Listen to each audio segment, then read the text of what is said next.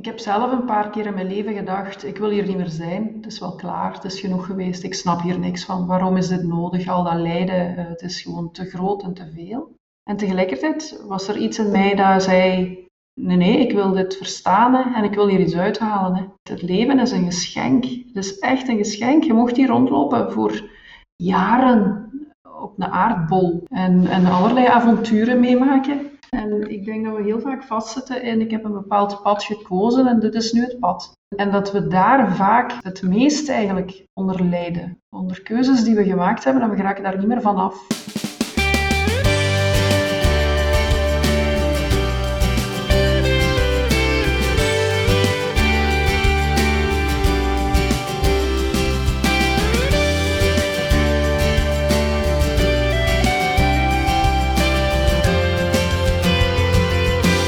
Welkom bij de Coach Jan podcast, jouw online gids naar een sprankelend en betekenisvol leven. Welkom bij een nieuwe aflevering van de Coach Jan podcast. Vandaag is Annick Seijs te gast. Annick ken ik intussen zo'n tien jaar. Toen ik haar net leerde kennen, was ze verkozen tot de meest beloftevolle onderneemster van Limburg. Maar als kind heeft ze enorm veel meegemaakt en kwam ze ook in contact met jeugdhulp en instellingen. Al deze ervaringen maakten dat ze in zichzelf de missie ontwikkelde om de hulpverlening beter te maken. Ze richtte een succesvol trainingsbureau en groepspraktijk op, namelijk Allegre. Maar toen sloeg het noodlot opnieuw toe. Haar zus stapte uit het leven en Annick koos vanaf dat moment resoluut voor zachtheid en zuiverheid om helemaal bij zichzelf te komen en van daaruit nieuwe keuzes te maken. Ze verkocht Allegre en startte een nieuwe groepspraktijk Lyria op. Hierom ringt ze zich graag met een team van psychologen en therapeuten. Annick is dus opleider, trainer, coach, therapeut en ook mede-auteur van drie boeken. We praten in deze podcast over wat Annick betekenis geeft in het leven en wat haar sprankels brengt, maar ook over de tegenslagen die Annick te verwerken heeft gekregen. Het werd een fijn en eerlijk gesprek ik wens je veel luisterplezier. Dit is de Coach Jan podcast. Dag Annick. Goedemorgen Jan. Hoe is het met u? Uh, goed, ik uh, loop eigenlijk gewoon door. Heel de corona uh, heeft voor mij eigenlijk weinig ehm, verandering gebracht. Ik zie nu mensen wel online, maar voor de rest loopt mijn agenda eigenlijk gewoon door. En de mensen rond mij zijn allemaal gezond. Dus uh, goed op dit moment. Ja, dat is inderdaad mooi. En misschien even uitleggen aan de mensen die luisteren uh, wie dat je bent en wat dat je doet, aangezien dat uw agenda doorloopt. Daar roept al wat vragen op. Dus uh, wie ben jij? Hoe zou jij jezelf voorstellen? Um, ik, uh, dat, is, dat, is, meteen natuurlijk een, een, vraag die op dit ogenblik denk ik wel wat verhaal uh, vraagt. Ik heb in januari, tot januari heb ik negen jaar een opleidingscentrum gehad, uh, waarbij dat ik psychologen, psychotherapeuten opleide in onder andere acceptance and commitment therapy. Um, en nog wat andere um, contextuele gedragstherapeutische modellen. Dat heb ik negen jaar gedaan. Ik heb daar ongeveer een 3000 psychologen opgeleid. En um, na negen jaar, daar gaan we het zelfs wel over hebben waarom dat, dat zo is, denk ik, heb ik dat verkocht. En um, ben ik op dit ogenblik aan het verder gaan met uh, de groepspraktijken, die daar ook uh, in, uh, in Allegre zaten. Die heb ik verder behouden en ben ik nu volop mee bezig om samen met de therapeuten te kijken van welke groepspraktijk willen wij eigenlijk zijn. Uh, vanuit welk concept gaan we vertrekken in de toekomst om mensen te begeleiden. Um, ik ben zelf geen uh, psychotherapeut, althans niet uh, volgens de Belgische normen. Ik heb heel wat in het buitenland rondgereisd om wel wat kennis op te doen rond contextuele gedragstherapie. Dus ik doe nog altijd wel supervisie uh, en groepstherapie van therapeuten. Um, uh, maar ik heb dus zelf geen officieel diploma als psychotherapeut. Ik ben maatschappelijk werker van opleiding. Er zijn al direct heel veel boeiende thema's in een, eh, in een intro eigenlijk. Hè? Want, um... Ja, je treft mij ook op een kruispunt natuurlijk. Hè? Dus, ja, dat maakt het zo boeiend. Hè? Want je hebt ooit een artikel geschreven, ik denk in 2016, voor, voor ja, de Coach Jan website dan. Mhm. dat had als titel Van instellingenkind naar Limburgs meest beloftevolle vrouwelijke ondernemer. Ja. Waarin dat je vertelt dat je inderdaad als kind in een instelling hebt gezeten. Mhm. Ehm, de luisteraars kunnen dat artikel terugvinden. Ik zet het mee in de, in de show notes. Ehm, maar je vertelt daarin van ja, ik heb als kind in een instelling gezeten en daar heb ik eigenlijk een stukje mijn, mijn roeping gevonden van ik wil dat de hulpverlening doeltreffend wordt. Ja, dat wil ik nog steeds vandaag. Dat is ook ehm, een van de redenen geweest waarom dat ik uh, Allegri destijds uh, heb, uh, heb opgericht. Um, ik weet niet of ik dat. Ik, ik wist als, als ik 15, 16 jaar was en in de jeugdzorg terecht kwam, wist ik, ik denk dat ik jeugdrechter wil worden. Maar toen begreep ik wat ik daar allemaal voor moest doen. ik had ook nogal faalangst, een klein beetje, heel veel faalangst, dus ik zag me dat eigenlijk niet doen. Um, en ik was van jongs af aan ook al heel erg geïnteresseerd in de, uh, de impact die de menselijke geest heeft op de manier waarop dat die functioneert. Dat waren twee van mijn, laten we zeggen, natuurlijke interesses die ik al had. Um, en van daaruit heb ik dan in de jeugdhulp verbleven. En ben ik later ook gaan helpen met uh, het op poten zetten van integrale jeugdhulp. Um, los van de resultaten die dat gehad heeft. Maar in elk geval voor mij was dat wel, een, uh, dat wel de bedoeling om impact te hebben op hoe de jeugdhulp op dit ogenblik georganiseerd wordt. En dan vond ik voor mezelf een methode vele jaren later, op dat moment acceptance and commitment therapy, daar zijn later wat andere dingen bijgekomen, maar op dat moment acceptance and commitment therapy, dat voor mij gigantisch veel impact gehad heeft op mijn eigen lijden en op hoe ik um, in de wereld stond en de hulpeloosheid die ik voelde met de dingen die ik tegenkwam en de overspoeling die ik heel regelmatig voelde. En ik vroeg mij wel af, hoe is dat nu mogelijk dat ik dat nooit niet gekregen heb van, ja, laten we zeggen dat er bij ons thuis zonder overdrijven een hulpverlener of 25 zal gepasseerd zijn, alles bij elkaar. Um, dus dat gaf mij zo wel een enorme uh, boost van als we nu jongeren en, en ouders vaardigheden leren in plaats van te blijven analyseren en toen heeft die gezegd en ik heb dan dat gezegd. En, maar laten we eens gaan kijken naar hoe kunnen we mensen helpen om zelf op hun poten te staan en als ze uit de jeugdhulp komen, vanuit mijn eigen ervaring begint dan het probleem pas.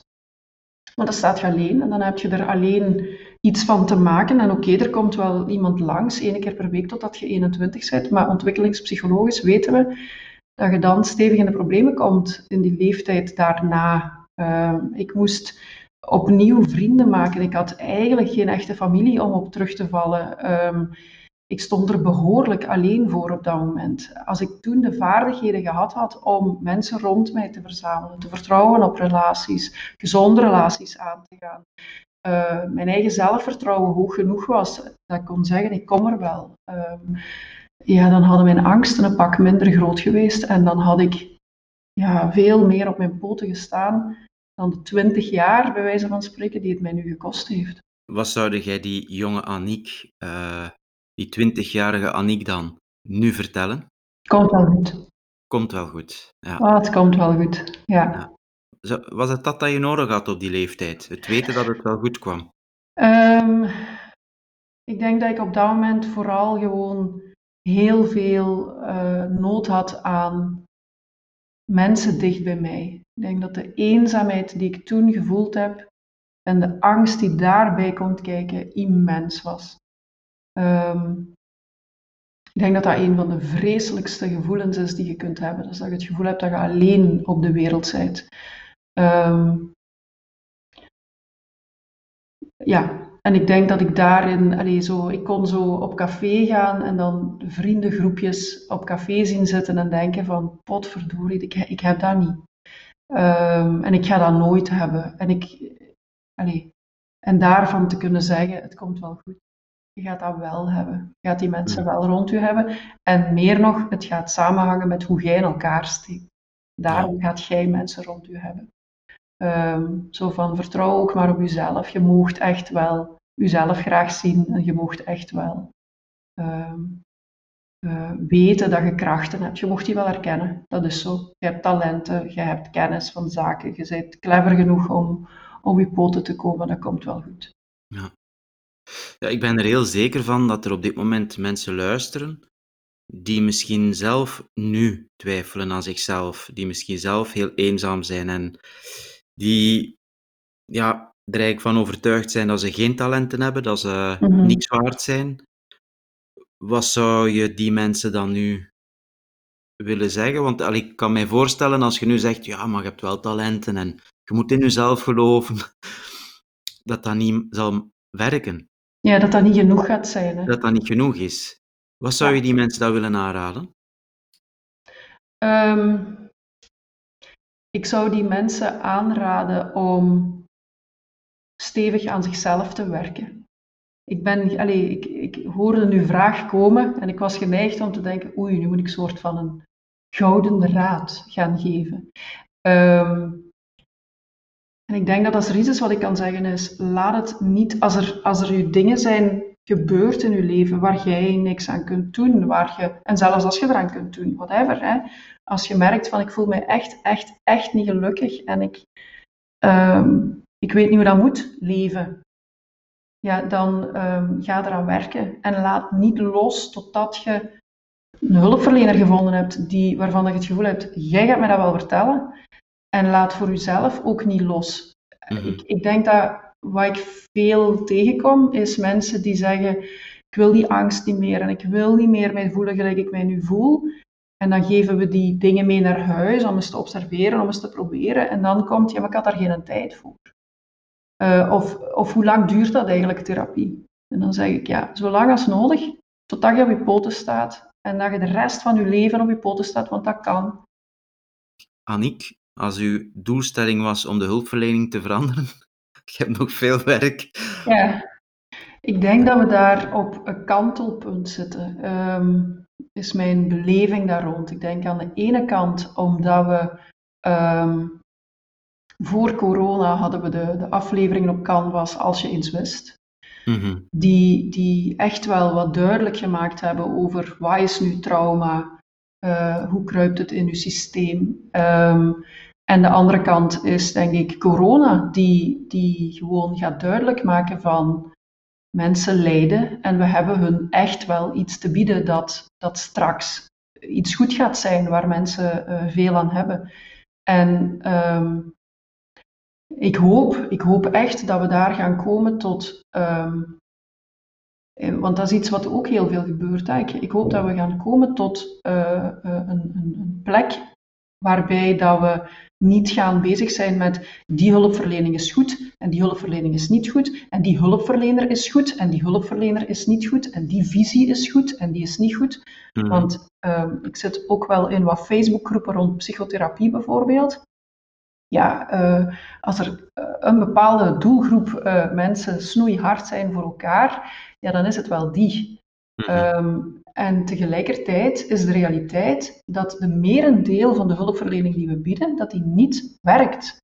Allee, ik denk dat dat ook iets is wat we gewoon eerlijk in moeten, moeten zijn en moeten herkennen. Ik denk, een van de dingen die in mijn discours iets is, waar soort van als je op dat knopje duwt bij mij, dan ben ik uh, vertrokken voor twee uur, is um, als ik, en dan ga ik alleen maar voor mezelf spreken, als ik kijk naar de hulpverlening die wij thuis gehad hebben, laat ons er even van uitgaan, ik kijk daarnaar als ondernemer, Laat ik er even van uitgaan dat wij ongeveer 25 mensen gehad hebben die gepasseerd zijn in de loop van de jaren. Dan heb ik het over maatschappelijke werkers uh, in OCMW's. Dan heb ik het over uh, twee instellingen waar wij, uh, zowel ik als mijn zus, verbleven hebben. Dan heb ik het over psychologen, psychotherapeuten, gezinsbegeleiders, individuele begeleiders. Er is, er is best wel wat gepasseerd.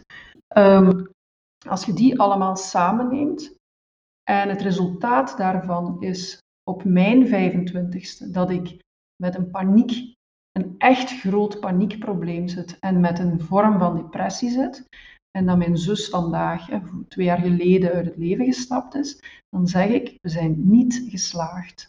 En dat zeg ik niet uit verbittering of uit hardheid. Dat zeg ik gewoon als je even die feiten naast elkaar legt, dan zou ik zeggen als ondernemer, misschien had je mij dat geld wel eens moeten geven. Van al die mensen die thuis gepasseerd zijn, al die instellingen die echt hun best gedaan hebben, daar twijfel ik geen minuten aan. Er zijn er nog waar ik tot vandaag nog contact mee heb en waar ik ook een heel warm hart voor heb. Ehm, maar het is een maatschappelijk debat. Het gaat niet over de individuele hulpverlener die gepasseerd is. Maar zoals je mij dat geld zou gegeven hebben, had ik er dan anders voor gestaan? Hadden wij er dan anders voor gestaan dan, dan dat ik er eh, x jaar geleden voor stond? Dat is een vraag. En dat, dat is een vraag die ik mij kan stellen voor mijzelf, maar ook voor alle andere mensen die bij ons, uh, die in de instellingen zaten, uh, en waar ik vandaag de resultaten van ken. Mhm. Ehm, dus dat is wel een vraag die ik vind dat we, dat we ons moeten kunnen stellen. En niet vanuit wat, wat een kritiek, maar wel gewoon eerlijk. Zijn we aan het slagen? En ik denk dat we daar, allee, ik, ik ben daar intussen langs allerlei kanalen al wel rond gecontacteerd om dat debat, dat maatschappelijk debat, een stukje mee te gaan voeren, te gaan bekijken. En dan zie ik wel dat er nu iets gebeurt dat zegt, oké, we moeten dingen anders gaan aanpakken. We moeten de dingen gaan eh, bekijken. Ik, als ik voor mezelf kijk, en laten we dus opnieuw zeggen dat het er 25 geweest zijn, dat niemand van die 25 gezegd heeft, je hebt last van vroegkinderlijk trauma. Je hebt daar symptomen voor en we gaan u daarin helpen om die symptomen te helen en dan ook nog hè, te kijken hoe dat we u voor de rest op de poten krijgen, wel of niet, terug naar huis gaan, whatever. Um, en dat, heb ik allemaal gelukkig eigenlijk door het werk wat ik ben beginnen doen, zelf ontdekt, zelf bekeken en zelf uh, geheeld, zeg maar. Mai, straf. Maar dus het kan.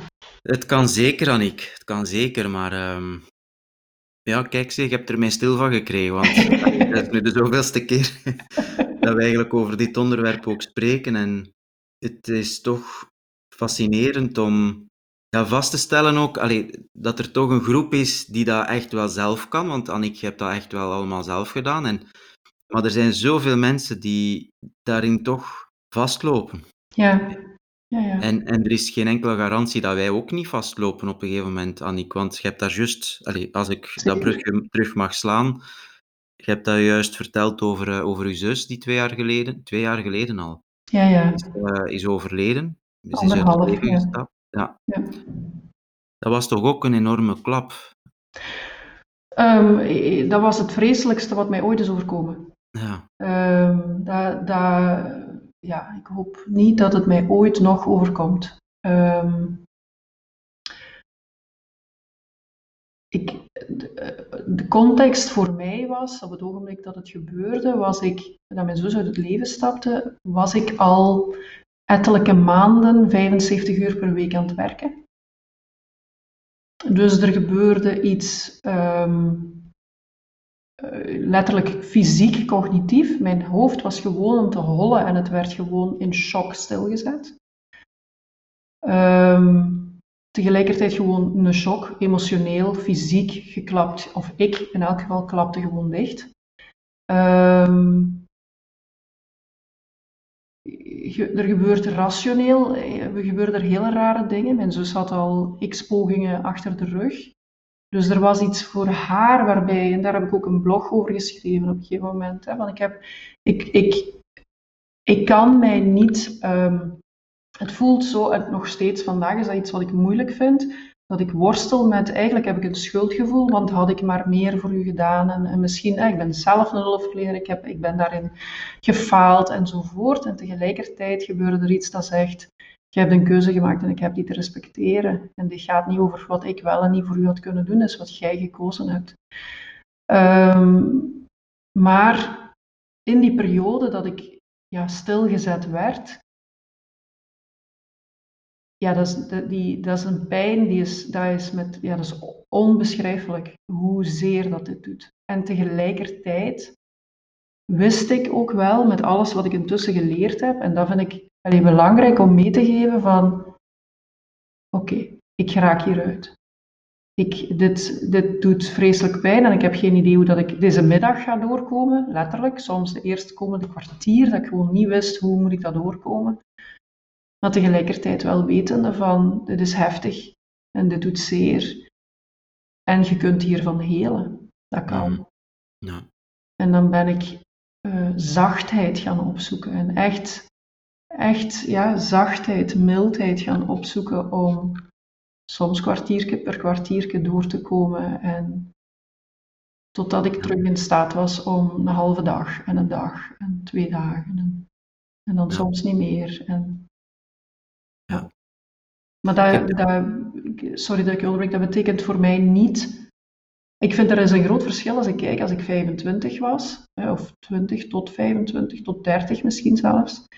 Daarin zit een fase waarin ik echt overtuigd was: dit is het, ik raak hier niet uit. Dit is gewoon niet mogelijk om, om, om hier door te geraken.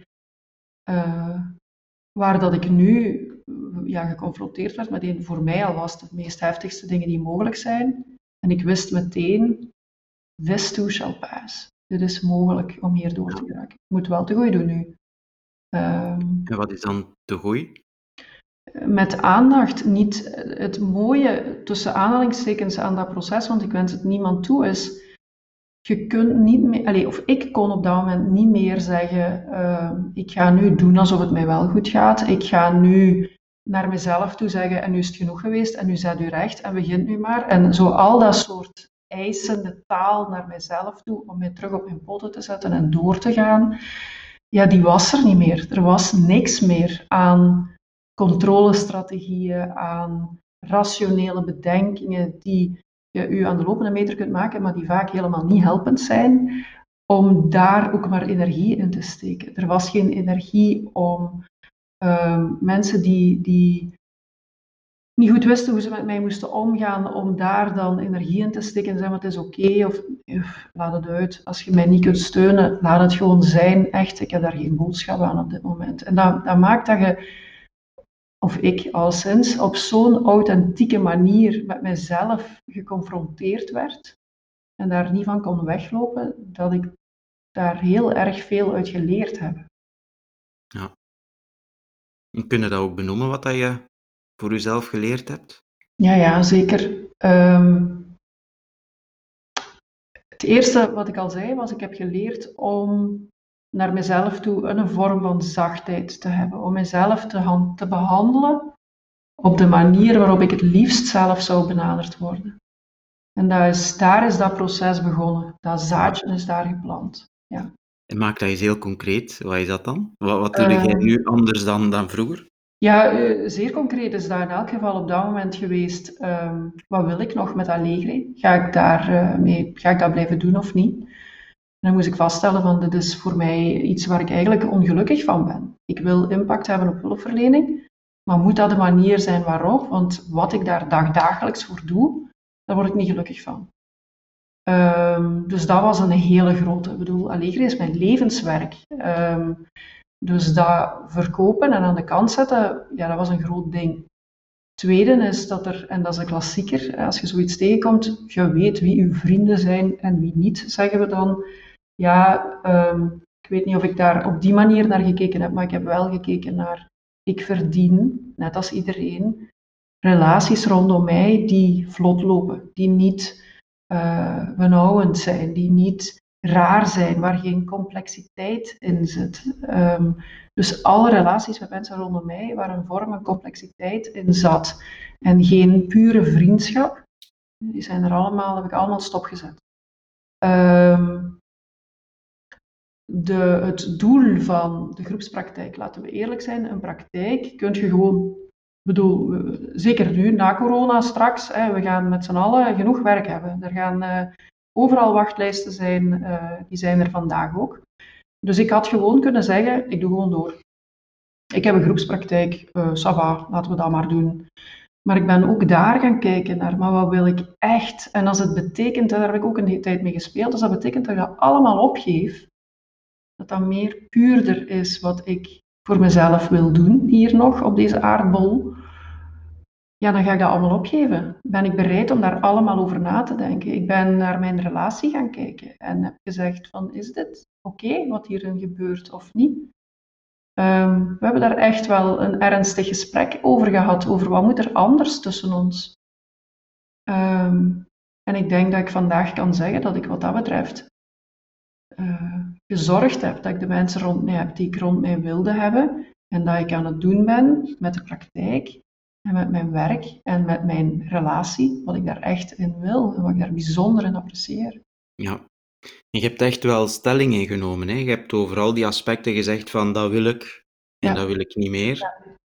Heeft dat opgeleverd? Allee, dat is nu misschien een foute vraag, zo in de zin van dat dat iets moet opleveren, maar heb je de indruk dat dat, dat, dat, dat, dat goed heeft gedaan? Ja, zeer zeker. Ja. Ehm, ik kon voorheen regelmatig het gevoel hebben bij mensen van, nu moet ik met u iets bespreken dat ik moeilijk vind en hoe moet ik dat nu tegen u zeggen en ik vind dat benauwend en, poeh, en jij gaat zo op mij reageren en jij gaat zo op mij reageren en dan kon ik zo vasthangen in, in stukken waar ik niet uitgeraakte en dan bellen met een vriendin en ik heb nu dit voor en wat denkt jij en hoe moet ik dat doen en um, dat hoeft vandaag niet meer.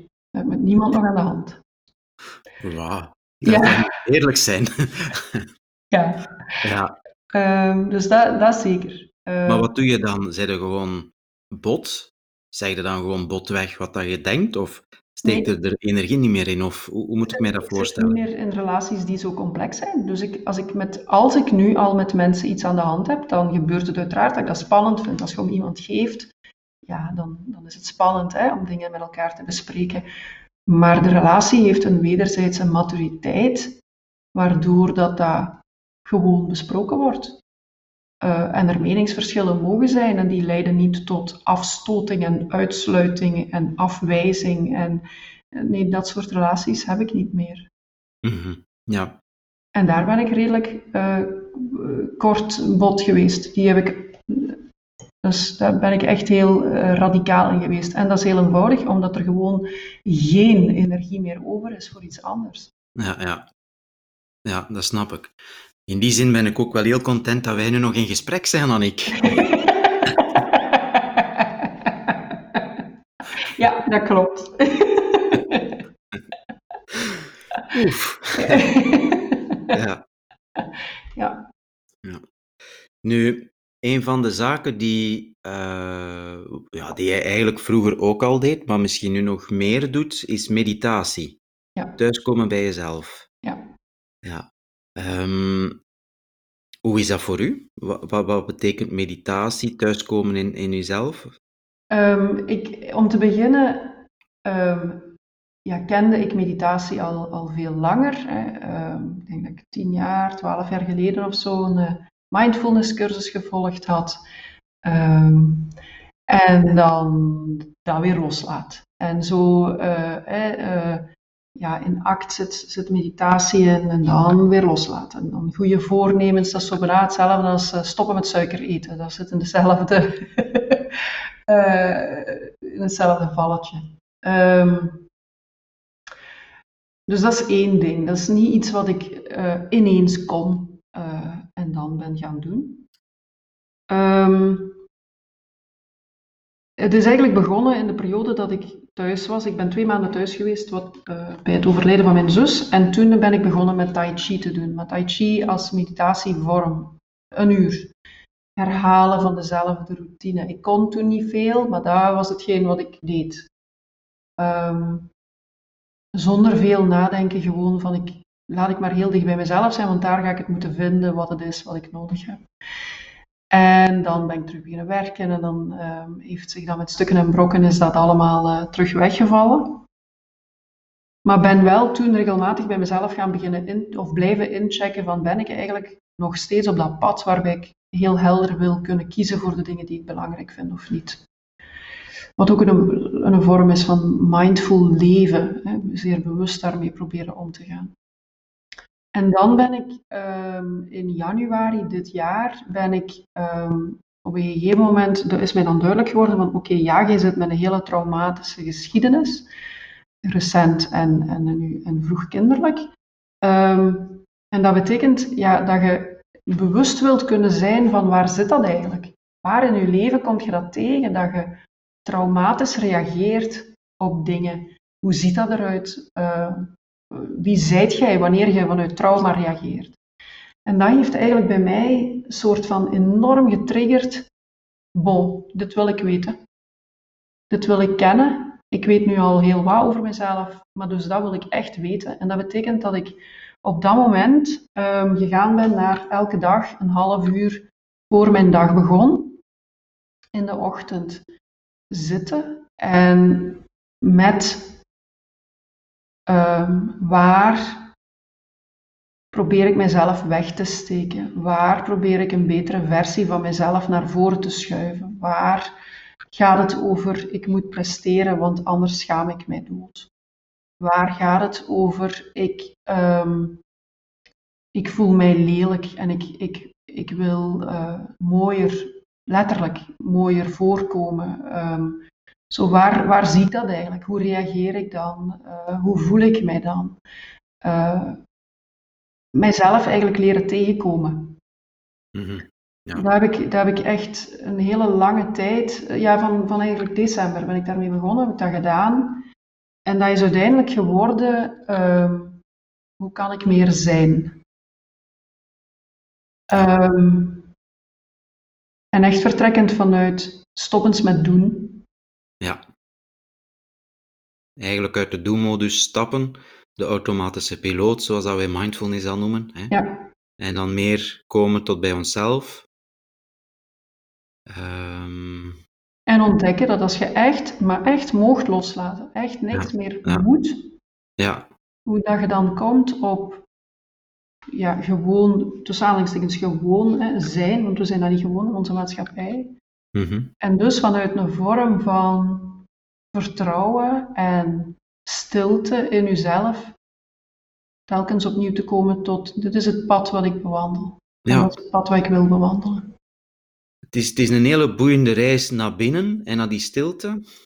Ja, je komt door heel veel laagjes van automatische gedragingen of, of van dingen die je doet als je bepaalde gevoelens en emoties tegenkomt.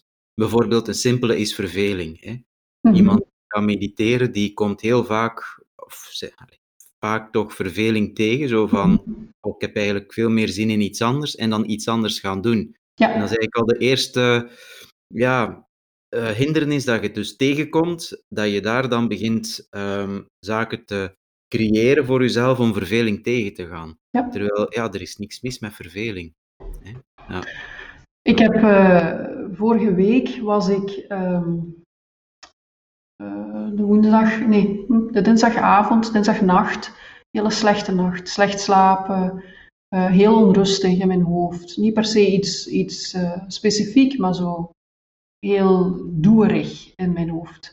Mhm. Mm -hmm. En ik heb onmiddellijk al mijn afspraken, al mijn overlegmomenten van drie dagen gewoon stopgezet, leeggemaakt. En ik ben gewoon gaan. Uh, ik heb drie dagen hier op mijn bureau gezeten. Um, gemediteerd, geluisterd naar talks die daar interessant uh, in waren. Um, en ik ga dat regelmatig doen, omdat het.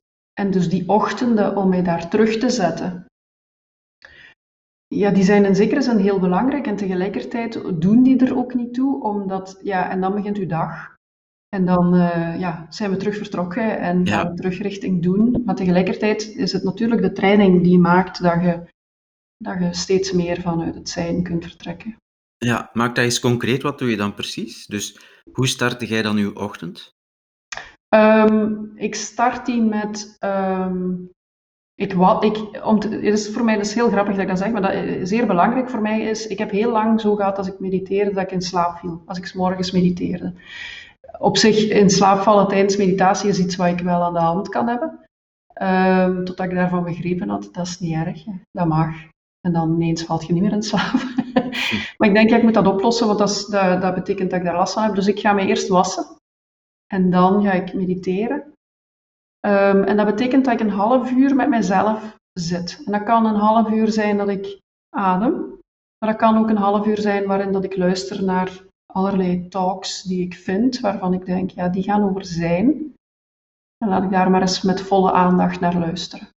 Hmm. Dat kan ook betekenen dat ik mijn, ik heb een, een uh, soort van ja, een reflectieschrift waar ik dingen voor, me, voor mezelf in noteer en dat ik gewoon mijn vorige dag overloop. En mijn huidige dag in mijn agenda echt overloop en daar kijk naar wat zijn we aan het doen.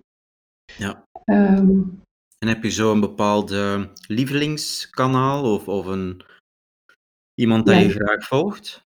ik luister heel graag naar Muji. Muji. M-O-O-J-I. Ja, we gaan dat allemaal toevoegen aan de website, aan de show notes. Ja, ik moet eens dringend een mooi Nederlands woord vinden voor show notes, want Ja. ja. Nederlands klinkt dat echt niet, maar ik weet niet, hoe moet dat dan nu? Dat, eh, Dat is fijn, we zijn de show aan het doen, dat is goed hè. Ehm, ja, ik herken wat dat je zegt, dat je inspiratie haalt en, en liefst morgens vroeg, omdat dat ook je dag kleurt. Hè. Mhm. Zelf ben ik bijvoorbeeld enorm bezig met ehm, de Stoïcijnen. Johan heeft mij daar terug eh, toe gebracht een aantal podcasts geleden. Ehm, en eh, ja, die Stoïcijnen die, die, die hebben eigenlijk een hele mooie, mooie ja, filosofie. En bijvoorbeeld een van de eerste eh, aannames in, bij de Stoïcijnen, wat dat we dus ook bij het boeddhisme Mhm. tegenkomen. In boeddhisme zegt men, hé, er is lijden. Hé, dat is de eerste eh, nobele waarheid. En in de Stoïcijnen zegt men eigenlijk van, eh, we hebben helemaal geen invloed of impact op wat ons, wat ons overkomt, maar we hebben wel totale controle over hoe dat we erop reageren. Mhm. En eigenlijk is dat ook wat dat we in ACT leren en, en wat dat we in al die eh, mooie, interessante eh, ja, eh, cursussen leren. Dat is, ja, wat dat ons ook overkomt, ja, we zijn mens, dus er overkomt ons gewoon heel wat. Mhm. En ja, oké, de ene mens krijgt meer te verduren dan een andere mens, maar uiteindelijk komen we allemaal wel heel wat tegen in ons leven. Ja. En het gaat niet over wat dat we tegenkomen, maar wel hoe dat we daarmee omgaan en wat dat we ermee doen. Hè. Mhm. En eigenlijk, als ik uw verhaal hoor, dan, dan zijde jij wel een meesteres, om het zo te zeggen, in omgaan met dat wat dat u overkomt. Ik heb zelf een paar keer in mijn leven gedacht, ik wil hier niet meer zijn. Het is wel klaar, het is genoeg geweest. Ik snap hier niks van. Waarom is dit nodig? Al dat lijden, eh, het is gewoon te groot en te veel. Ehm, en tegelijkertijd was er iets in mij dat zei, nee, nee, ik wil dit verstaan hè, en ik wil hier iets uithalen. Hè. Ja, Ehm, en iets in mij dat zegt, het leven is een geschenk. Het is echt een geschenk. Je mocht hier rondlopen voor jaren op een aardbol. En, eh, en, en allerlei avonturen meemaken. En allerlei dingen doen. En ik denk dat we heel vaak vastzitten in, ik heb een bepaald pad gekozen en dit is nu het pad. Ja, Ehm, ja. En, en, en dat we daar vaak het, het meest eigenlijk onder lijden ja, onder keuzes die we gemaakt hebben en we geraken daar niet meer van af. ja. Terwijl eigenlijk kunnen we elke dag, bij wijze van spreken, echt wel opnieuw beginnen. Hè? Ja. Ja.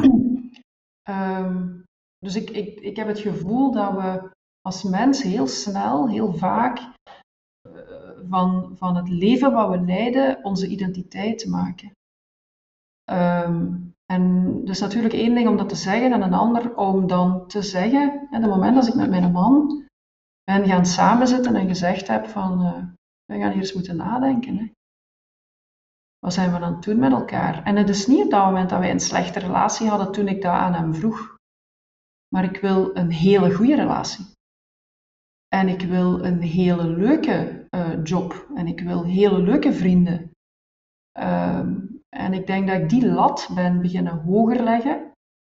Op het ogenblik dat ik het gevoel had dat mij alles afgenomen werd. Ehm, ik denk dat dat ook de enige moment is dat je dat kunt. Dat weet ik niet of dat dat het enige moment is. Maar het geeft ons dikwijls wel heel veel energie. Ja. Zo'n live event, hè, zo een hele indringende gebeurtenis, geeft ons heel dikwijls wel de moed Ja, om echt wel gigantische bochten te maken. En toch zou het interessant moeten kunnen zijn om zelfs als er geen zo'n gigantische levensgebeurtenis er is, om af en toe toch die knop om te draaien en te zeggen van ja, dit is niet het leven die ik nu nog wil. Maar de- ook, dat, dat klopt. En, en eh, als je mij vraagt, hè, die ochtenden eh, of, of, eh, of die drie dagen die ik nu pas achter de rug heb, waar dienen die voor? ja, een stuk daarvan is de moed te hebben om heel bloed eerlijk met mijzelf te kunnen zijn. En, daar, Ja. en dat is voor de mens echt moeilijk. Wij kunnen echt wel denken dat we eerlijk zijn ten opzichte van onszelf. Wij kunnen onszelf wijsmaken dat we de juiste dingen aan het doen zijn. Ja. Ik bedoel, Allegre doen, ja, dat was, dat was ik, ik ben er zeker van dat ik heel veel mensen overtuigd heb dat dat hetgeen was wat ik te doen had. Ja. Eh, ik dacht dat zelf ook. Ja, ja. Maar ja, er moet een zekere flow, of er kan een zekere flow in uw leven zitten. Absoluut. Heel, die, heel dit verhaal doet mij denken aan Paul de Blot, een hoogleraar in Nederland, eh, professor over business spiritualiteit. Eigenlijk zei hij van de wereld is continu in verandering. Mhm. Eh, wij zijn continu in verandering. En bedrijven die eh, ontstaan om een bepaalde reden. En als zij blijven vasthouden aan die reden, als zij blijven vasthouden aan de manier waarop dat ze een reden in de wereld zetten, dan komen die vroeg of laat in crisis. Want iedereen en alles daar rond verandert. Dus als jij niet mee verandert, dan kom jij sowieso in crisis. En eigenlijk wat dat jij daar juist vertelt, is eigenlijk net hetzelfde. Namelijk, ja, wij, wij komen in ons leven en wij worden geboren in een gezin en wij, wij maken bepaalde keuzes, omdat die op dat moment ertoe doen. Mhm. We maken soms ook verkeerde keuzes, maar goed. En als we dan blijven vasthangen aan die keuzes die wij gemaakt hebben, terwijl dat alles en iedereen rondom ons verandert, maar we blijven halstarrig vasthouden aan die, aan die keuzes, ja, dan komen wij vroeg of laat in crisis. Want wij evolueren niet mee met de wereld rondom ons. Maar misschien ook gewoon met onszelf. Of met onszelf, ja. Ik denk dat, dat als er iets is wat, wat Allegri voor mij zo moeilijk maakte, was dat het net succesvol was. En dat het, ehm, eh, dat het mensen aantrok die zin hadden om met mij allerlei dingen te doen. Ja? Ehm, ik was daar niet meer. Ik was niet meer ehm, gelukkig. Ik was echt, op een gegeven moment werd daar hier in huis mee gelachen. Dat ik, als ik opleiding moest geven, dat ik echt dacht, nee, alstublieft, niet meer. Ik wil niet nog een keer hetzelfde verhaal doen. En ik kon niet uitleggen waarom dat ik dat niet meer wilde. Ik stak dat toen op. Hou van verandering. En eh, ja, ik heb dat nu wel al vaak genoeg gedaan, zo'n opleiding geven. En nu zal het wel goed zijn. Maar dat was het niet. Ik was klaar met, met dat pad te bewandelen. Ik, ehm, als ik daar nu op terugkijk, wat voor mij wrong was, ik wil, eh, als, ik hulp, als ik impact wil hebben op hulpverleners, dan zal ik andere dingen moeten doen dan alleen maar een opleiding geven. Opleiding geven kan iemand anders doen. Eh, maar hoe kan ik, wat, wat dan? Hoe zorgen we echt voor verandering? Ehm, en dat was de vraag die mij bezig hield en die ik totaal niet kon beantwoord zien, ofwel omdat ik zelf opleiding aan het geven was, ofwel omdat ik bedrijf aan het runnen was. Ehm, dus ik was daar heel erg aan het veranderen. En als ik daarop terugkijk, ehm, ja, dan, dan, dan was dat het vraagstuk wat aan mij geknaagd heeft, die negen jaar lang. Namelijk? Dat ik eh, echt wel heel graag impact wil hebben op. Ik, ik- als, ik, als ik kijk, ja, wie ben ik vandaag, denk ik, ik wil mensen kunnen hoop geven en houvast geven in er kan echt wel iets anders. In wat voor shit dat je ook zit, je kunt echt wel nog op deze aardbol rondlopen en gelukkig worden. Mhm.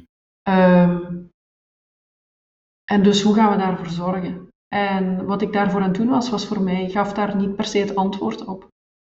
Ik geloof sterk dat wij allemaal een bijdrage te leveren hebben aan, aan de maatschappij. Ik Mhm. geloof daar heel sterk in. hè. Ja, ik ook. Ja. En dat wordt gevormd door ons verleden, Mhm. door onze biografie. Het is een betekenisvol leven kunnen leven door te doen wat dat we eigenlijk zouden moeten doen, wat dat echt helemaal past bij ons. Ja, Ja. klopt. Maar dat vraagt ook, eh, dat vraagt echt, eh, ja, detachment. Ik heb daar geen ander woord voor. Dat vraagt echt om, om te durven alles loslaten. Alle kadertjes die je voor jezelf gemaakt hebt. Alle verklaringen die je voor jezelf gemaakt hebt. En echt te durven zeggen, is this it? Ja, kan ik terugkijken op mijzelf binnen x jaren en zeggen, ja, ik heb een kans gekregen van x jaren, ik heb die goed besteed. Ja. Ik ben blij mee. Nu, een vraag dat ik af en toe eens stel in deze podcast is, eh, is de vraag van hoe kijkt jij naar een, naar een maakbaar leven, naar een maakbare wereld? Is het leven maakbaar? Eh, ja en nee. Ehm, ik denk ja, door. We hebben veel meer eigen verantwoordelijkheid en eigen eh, eh, handelsvrij, han- ja, handelingsvrijheid dan dat we onszelf vaak gunnen. Mhm. Met begrijpelijke redenen. Hè? Ehm, dus dat stuk, absoluut. Ehm, gelijk ik, ja, en, en daar kan ik mijn zus alleen maar dankbaar voor zijn. Dat heeft zij door deze wereld te verlaten mij geleerd. Want dat is de ultieme keuze. Mhm. Ik kies daarvoor. En of anderen dat nu fijn vinden of niet, daar kies ik voor. Ehm, dus eh, wij zien vaak niet hoe dat we ons eigen leven in ons handen kunnen nemen, omdat we denken binnen de bestaande kaders. Ik wil mijn eigen leven in handen nemen, maar die job ga ik niet verlaten, want mijn inkomen, die partner ga ik niet verlaten, want ja, dat zijn de dingen waarin dat we gaan nadenken. Ja, dus als je twee kaders geeft, ja, dan gaat je er niet komen. Mhm. Dus eh, is het leven maakbaar in dat opzicht veel meer dan dat wij denken en ervaren.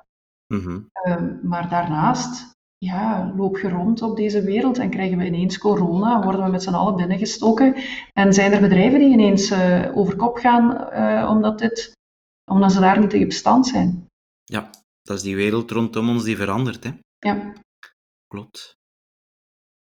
Zeg Annick, we hebben het eigenlijk nu heel veel gehad over eh, ja, het aspect betekenisvol leven. Hoe, hoe geven we betekenis aan ons leven? Wat hebben we te doen?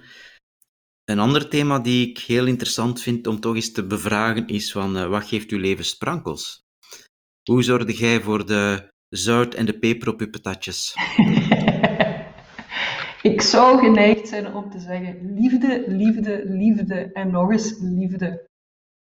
Ehm, ik denk dat dat mijn rode draad, of dat ik probeer te zorgen dat dat mijn rode draad is. Ehm, ik denk dat, dat wat mij sprankels geeft, is dat ik eh, na meer dan twintig jaar kan zeggen eh, ik ben denk ik eh, volgend jaar ben ik vijf jaar getrouwd met mijn lieve man. En dat ik daar de, het geluk heb van een partner te hebben waarbij ik zeg, die relatie, ik wil niet dat hij dit niveau heeft, maar ik wil dat hij dat niveau heeft en die trekt dat gewoon met mij mee naar Mhm. daar. Ehm, dus daar, daar ben, ik, ja, ben ik zeer dankbaar en blij om. Ehm, daarnaast kijk ik in welke mate dat creativiteit iets kan zijn in mijn leven. Ah, ja. Ehm, ja, ik, Ik zie eh, u veel met uh, ja, bezig. ja, vind ik heel leuk. Vind ik heel leuk om te doen. Het resultaat boeit me eigenlijk zo niet, maar wel, eh, maar wel ermee bezig zijn. En, en ja, vind ik heel leuk. Ehm, Heb jij ook guilty pleasures? Zo iets waarvan dat je zegt van, oh, daar schaam ik misschien zelfs een beetje voor, maar Eh, wat ik heel leuk vind, is ehm, op mijn werk zijn, koptelefoon op en luidkeels meezingen. ehm, en dan denken, zelfs komt hier iemand binnen, ze moesten mij eens bezig zien. Eh, doe ik heel, heel graag. In de auto ook. Ik zing altijd luidkeels mee als ik aan de rood licht sta. Mensen zitten altijd te kijken van, "Wat waar? I don't care. Ehm, ik ben sinds dit jaar begonnen, dat is geen guilty pleasure, maar dat is wel iets wat ik heel leuk vind. Ik ben sinds dit jaar begonnen op het conservatorium om uh, keramiekles te volgen. Ehm, dus ik denk dat daar de dingen zijn die ik gewoon heel, heel Ja. fijn vind om te doen. allemaal dingen met uw handen, Allemaal dingen met mijn handen en met mijn stem. Ja, met uw stem, ja. Uit uw hoofd. ja eh, niet noodza- eh, eh, dat is niet de bedoeling. Dat is gewoon wel Ah, ja. wat doe. Ehm, Maar het is gewoon leuk. Annick, is er nog iets wat je wilt meegeven aan de luisteraars? Dit is uw kans. Te doen, te doen. Ehm, ik zou zeggen, probeer een heel hoog engagement te hebben naar jezelf. Je moogt echt de lat voor jezelf hoog leggen in wat wil ik in dit leven doen. Je hebt er maar één, voor zover we weten. Leg de lat maar hoog. Legde jij de lat hoog, Annick? Ik leg de lat hoog. Ja, dat is duidelijk. dat is goed. Annick, heel wel bedankt voor dit uh, boeiende gesprek. En misschien komt er, als jij daar voor open staat, wel nog eentje in de toekomst, want ik denk niet dat wij al uitgepraat zijn. dat mag altijd, dat weet Oké, okay. merci hè. Graag gedaan. Dit was de Coach Jan podcast. Reageren op deze aflevering kan via www.coachjan.be podcast. Vond je dit een goede aflevering? Dan stellen we jouw waardering en beoordeling in iTunes op prijs. Dit zorgt er mee voor dat ook andere mensen deze podcast vinden. Bedankt voor het luisteren en vergeet niet, maak er een sprankelende en betekenisvolle dag van.